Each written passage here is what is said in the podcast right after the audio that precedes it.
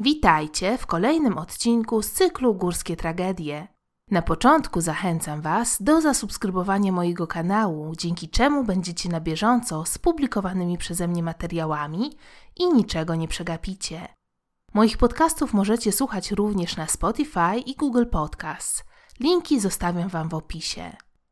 Dzisiaj opowiem Wam o wypadku, do którego doszło podczas eksploracji jaskini małej w Mułowej.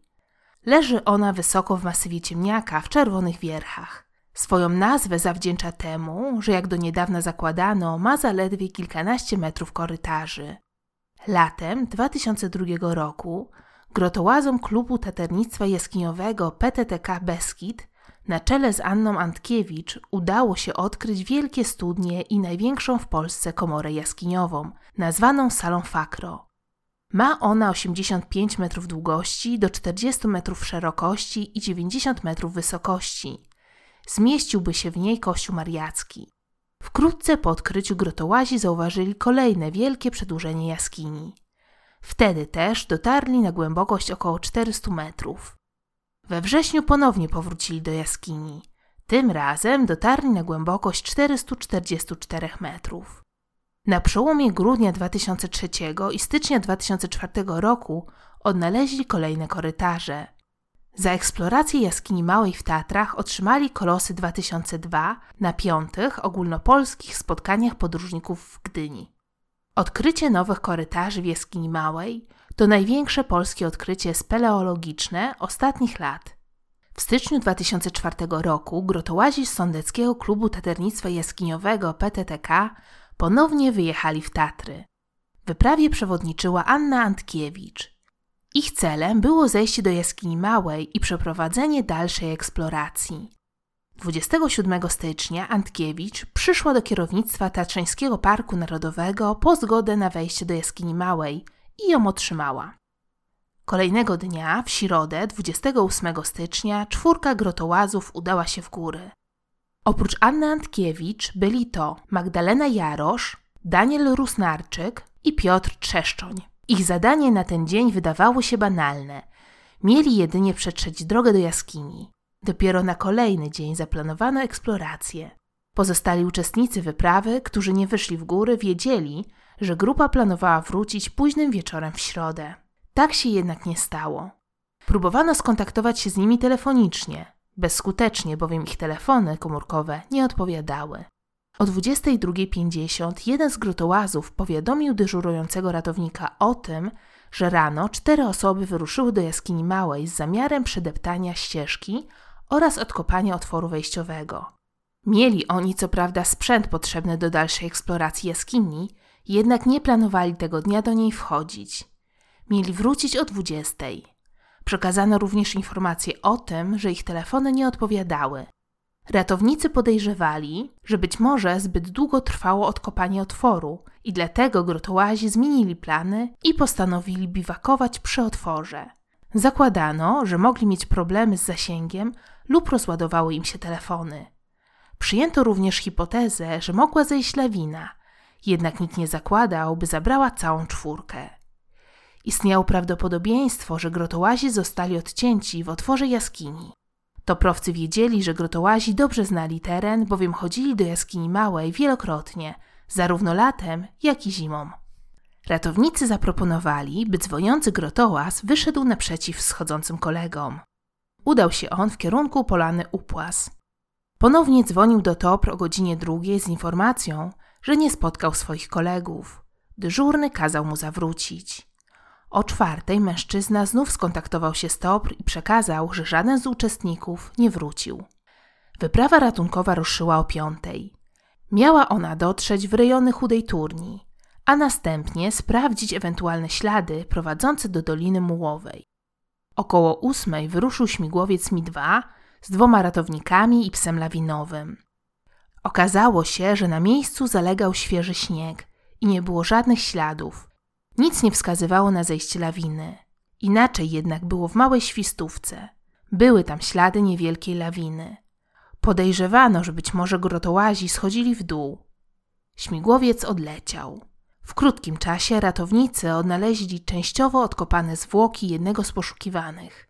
Dodatkowo na lawinisku były porozrzucane rzeczy, w tym buty, plecaki i części garderoby. Z góry nie było widać, że lawina miała niemal kilometr długości. O jej rozmiarze może świadczyć fakt, że sonda w czole lawiny nie dochodziła do gruntu. W szczytowym momencie na lawinisku pracowało blisko 60 osób i 14 psów lawinowych. Lawinisko było szerokie na ponad 50 metrów i długie na niemal kilometr.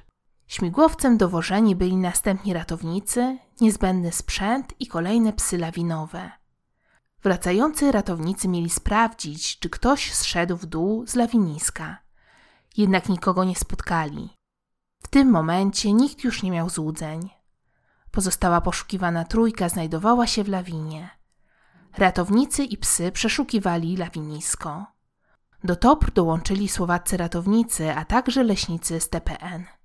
Dopiero po trzynastej odnaleziono trzy kolejne ciała. Miały one liczne obrażenia, co świadczyło o tym, że grotołazi spadli z wysokości kilkuset metrów. Jak wyglądała ich droga do jaskini? Czy mieli szansę przeżyć? Rankiem 28 stycznia czwórka grotołazów wyszła przez gładkie upłaziańskie. Ich celem była Dolina Mułowa. Ostatni raz kontaktowali się krótko po dziesiątej. Potem ich telefony nie odpowiadały, dlatego też przyjęto, że chwilę później doszło do wypadku. Wtedy też weszli oni w strome północne stoki upłaziańskiej kopy.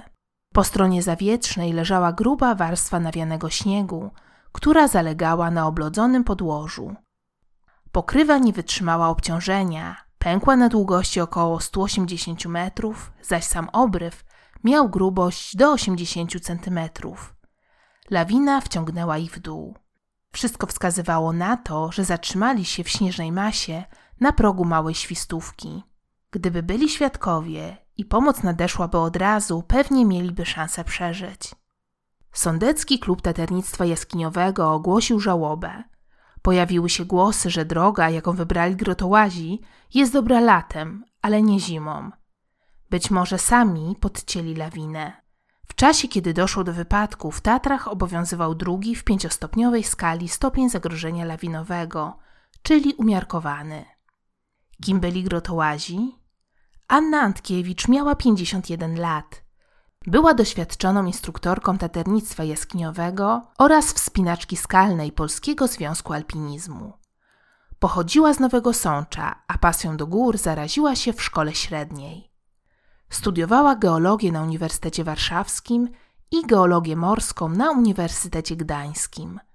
Pod koniec lat 70. ukończyła kurs jaskiniowy i powierzchniowy.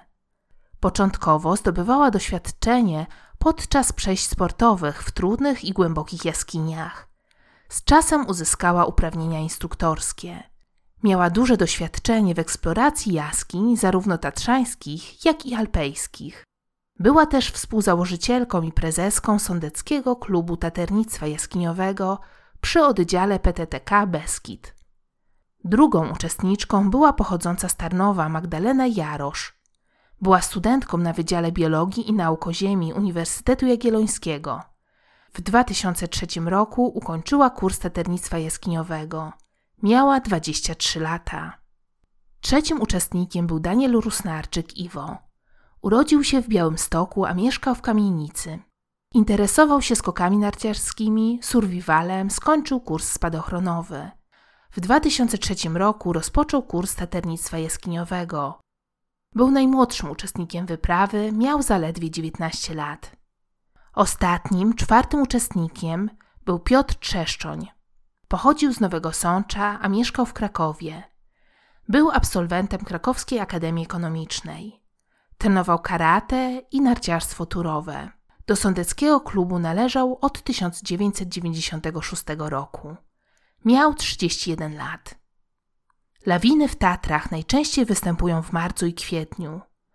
Dochodzi do nich zwykle na stoku o nachyleniu około 30-40 stopni oraz przy dużej pokrywie śnieżnej. Na powstanie lawin wpływa szereg innych czynników, takich jak temperatura, struktura śniegu, nasłonecznienie, rodzaj podłoża czy siła wiatru.